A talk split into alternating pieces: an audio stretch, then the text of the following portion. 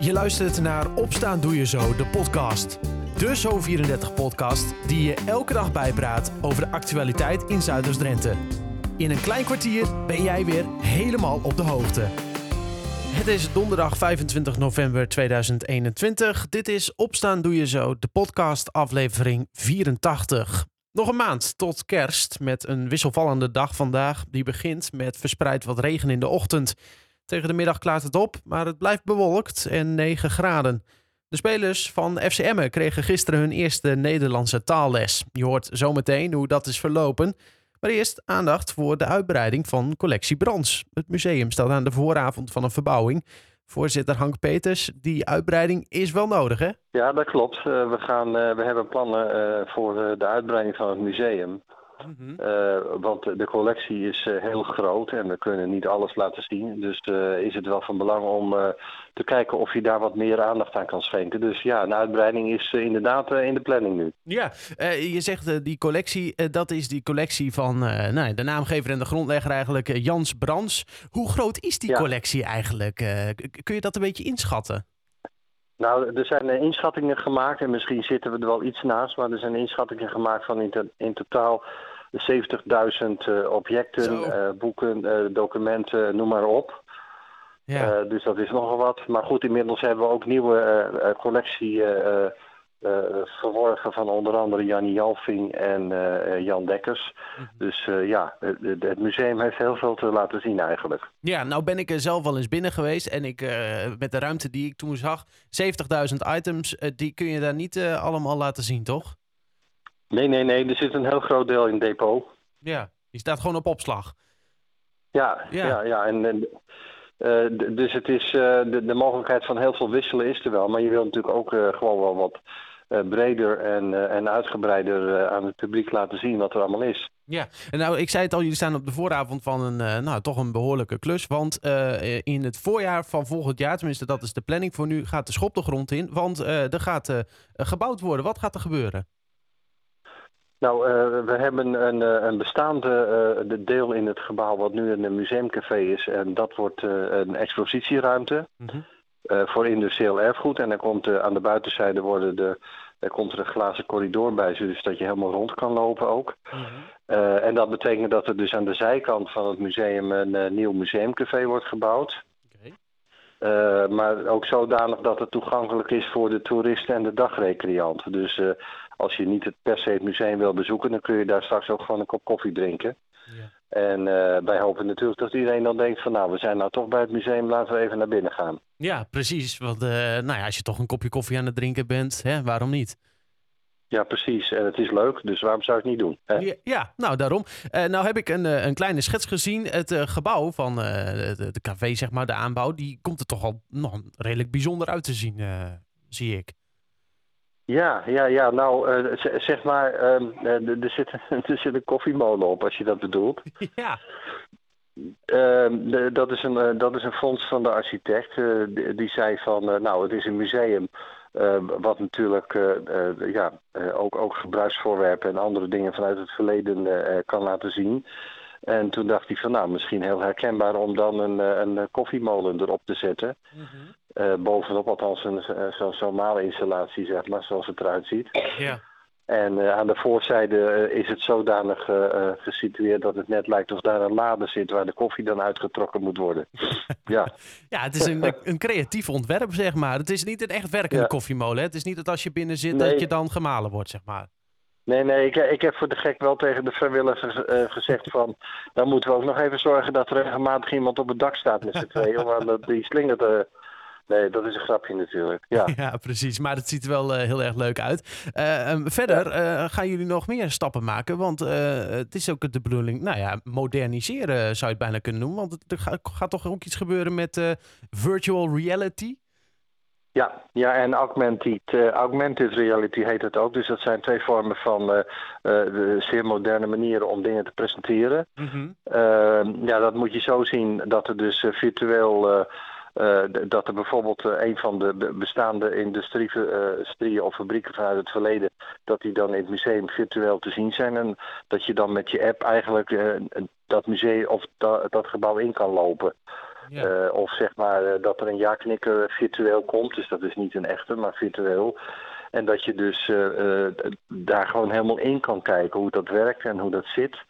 dus je wordt eigenlijk meegetrokken in, in, in de situatie van vroeger. Ja, en, en uh, is het dan zo dat je dus uh, met een, uh, want ik hoor je over een app, maar moet je dan met zo'n zo'n bril oplopen, zeg maar, of, of dat niet? Nou ja, de bril is dan de virtual, virtual reality. Ja. Dus dan, de, dan ga je via de bril alles zien. Dus mm -hmm. dat, dat zit er dus ook tussen. Maar augmented reality is meer dat je dus ruimtes van binnen in, in kaart brengt. Uh, en dat je dan via de app zeg maar eigenlijk uh, naar binnen kunt gaan kijken in, uh, in, in dit geval een gebouw of zo. Oh, wat interessant. En, en wat zijn dan, want je noemt een, een jaarknikker bijvoorbeeld of een oude fabriek, maar wat zijn dan de dingen die jullie specifiek willen laten zien? En, en houdt dat dan ook nog weer verband met de collectie zoals nu? Nou, zeg maar, industrieel, wij, wij hebben gezegd industrieel erfgoed, of wij, wij hebben gezegd industrieel erfgoed is uh, zeg maar uh, een, een, belangrijke uh, ontwikkeling in, in Emmen, waar eigenlijk iedere inwoner wel trots op zou kunnen zijn. Want dat is, heeft in ieder geval toegeleid dat Emmen een van de grootste industriesteden in het noorden is geworden. Mm -hmm. Of de grootste misschien wel. En er zit een hele geschiedenis aan vast, waar heel consequent heel veel mensen aan het werk geweest zijn. En en, en, herinneringen aan hebben. Dus ik denk dat het heel goed is om uh, daar heel veel van te laten zien straks. Ja, uh, nou zijn deze plannen, die hebben jullie allemaal gemaakt. Is dat allemaal al uh, definitief rond en zo? Kan er allemaal, staat alle, staan alle lichten op groen?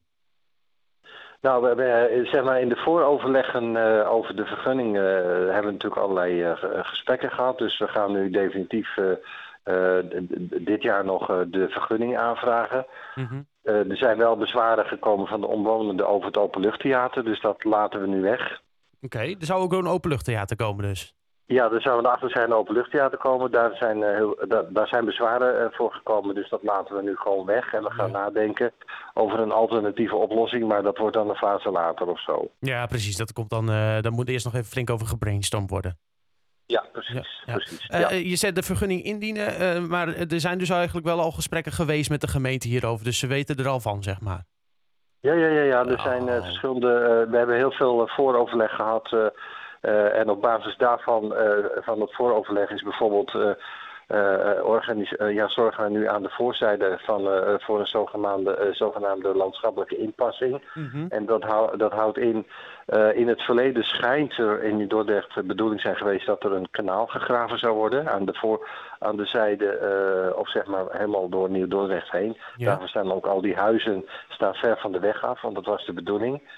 En wij gaan nu symbolisch aan de voorzijde zeg maar een, een, een, een, een, een, een uitgraving maken met een bruggetje erover. Oh. Uh, om, om eigenlijk te symboliseren dat dat ooit een kanaal had moeten worden. Oh, wat leuk. Dat wist ik helemaal niet. Nou, toch nog weer wat geleerd zo op de vroege ochtend. Ja, dat kan hè? Ja, ja. nee, zo, zo is het maar net. Maar ik vind het alleen maar leuk ja. om uh, dat soort dingen uh, te leren. Dus uh, dat is ja. super.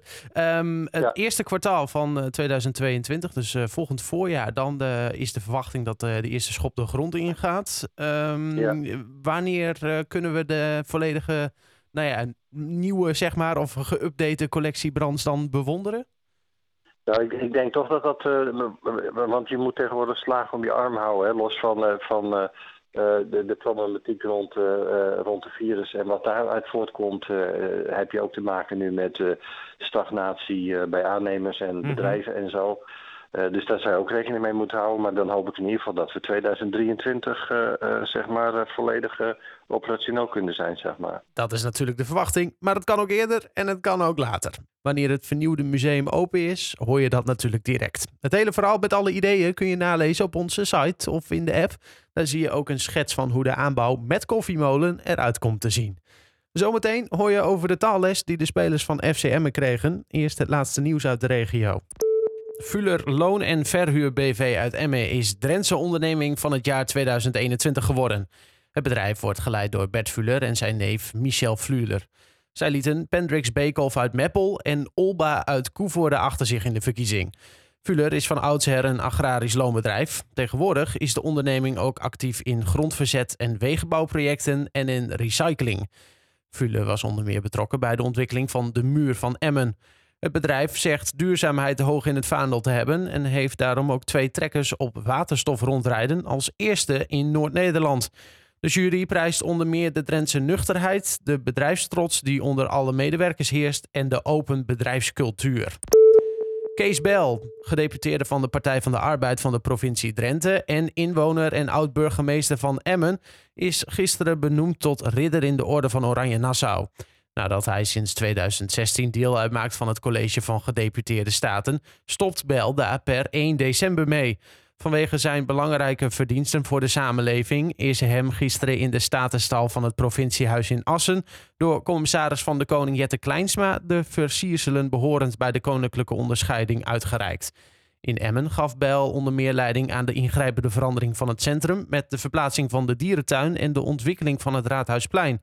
De politieke carrière van Bel is overigens nog niet ten einde. De komende tijd fungeert hij namelijk als waarnemend burgemeester van de gemeente Midden-Drenthe. Tot zover het laatste nieuws uit de regio. Voor meer nieuws kijk je op zo34.nl of in de Zo34-app. Er zijn een aantal spelers bij FCM die geen Nederlands spreken. Gisteren was daarom de eerste taalles voor deze mannen onder leiding van docent Jan Dekker van het Drenthe College. En Jeanette, die was erbij. Oké mensen, welkom bij de allereerste les Nederlands. Bienvenue, hartelijk welkom, welkom voor iedereen die hier is. Um, ik wil natuurlijk eerst weten wie jullie zijn, wat jullie namen zijn. Mijn naam is Rui. Zijn naam is Asdin. Jouw naam is Luca. Jan Dekker, vandaag de FCM-spelers in de klas. Hoe is dat? Hartstikke leuk. Ja, het zijn de krenten in de pap. Uh, het zijn dingen die je normaal gesproken niet doet. Uh, en dit wel, een apart clubje. Maar toch ook weer niet zo apart, ja, want het zijn ook mensen die de taal moeten leren. En waarom is het belangrijk dat zij een beetje de taal machtig worden? Uh, de taal is uh, ja, het, het smeermiddel van het intermenselijk verkeer. Als je de taal niet spreekt of niet goed spreekt, um, dan mis je dingen. Dan kom je in het maatschappelijk verkeer kom je tekort. Ik heb nu bijvoorbeeld ook mensen die zich heel veel zorgen maken om COVID-19, omdat ze niet goed begrijpen wat er nou eigenlijk gezegd wordt. Ja, en hoe gaat het vandaag? Dit is de eerste les. Ja, ja dat is altijd spannend. Um, want ik weet hun niveau niet. Ik weet niet hoeveel Nederlands ze spreken. Uh, dus het is spannend, uh, maar toch ook altijd wel weer leuk. Um, je, zo'n eerste bijeenkomst dan, ja, dan zet je ook even de sfeer neer. Dus uh, misschien dat, het wat, dat ik wat overkom als een aansteller. Maar dat doe ik expres om, om even te kijken van nou, hoe, hoe, hoe staat het met jullie? Jullie zijn jonge jongens, jullie hebben er misschien wel zin in of helemaal geen zin in. Maar um, ik probeer te kijken van nou, wat zit er nou in zo'n groep? Ja, en? Wat uh, is uw indruk? Hebben ze er zin in? Um, ja, sommigen wel. Sommigen wel. Volgende keer hebben ze er allemaal zin in. Okay. Daar ben ik van overtuigd. En waarom bent u daarvan overtuigd? Nou, door ervaring. Ja, ervaring. Um, je weet als je zelf enthousiast bent, uh, dat je dat terugkrijgt. En dat is vaak wel zo hoor. Maar ging wel aardig, toch? Ja, volgens mij wel. Ja, dus uh, leuk om te doen? Het is fantastisch. Ja, dit is hartstikke leuk. Dit is, uh, dit is het leukste wat er is. Je betekent iets voor de mensen. Um, je, je, helpt ze met de taal. En um, nou, wat zou er nou mooier zijn als ze straks na een wedstrijd voor jullie camera's komen en ze uh, in het Nederlands kunnen uitleggen hoe ze toch die prachtige goal gescoord hebben. Dat is toch mooi? Oké. Okay. Yes. What do you think of the Dutch lesson of today? Um, yeah, today were the first uh, was the first lesson, but uh, I think it's pretty funny. Yeah, and um, why are you following these Dutch lessons? Do you think it's important? uh, to be honest, uh, yeah, they told us that we have to do this lesson. So uh, no, but I think it's um, easier for us if we understand a lot. Then uh, the co the coach doesn't need to to speak often English, and um, also on the field, if the the players uh, speaks in in Dutch and they say left right then uh, yeah, it's easier for us if we can understand and uh, speak a little bit of Dutch. De spelers van de Drentse club krijgen het komende half jaar nog lessen Nederlands. Meer reacties van de spelers lees je na op de site zo34.nl of in de app. Een kleine spoiler, de Nederlandse voetbaltermen, die deden het het best. Tot zover, opstaan doe je zo de podcast van donderdag 25 november 2021. Een fijne dag en tot morgen.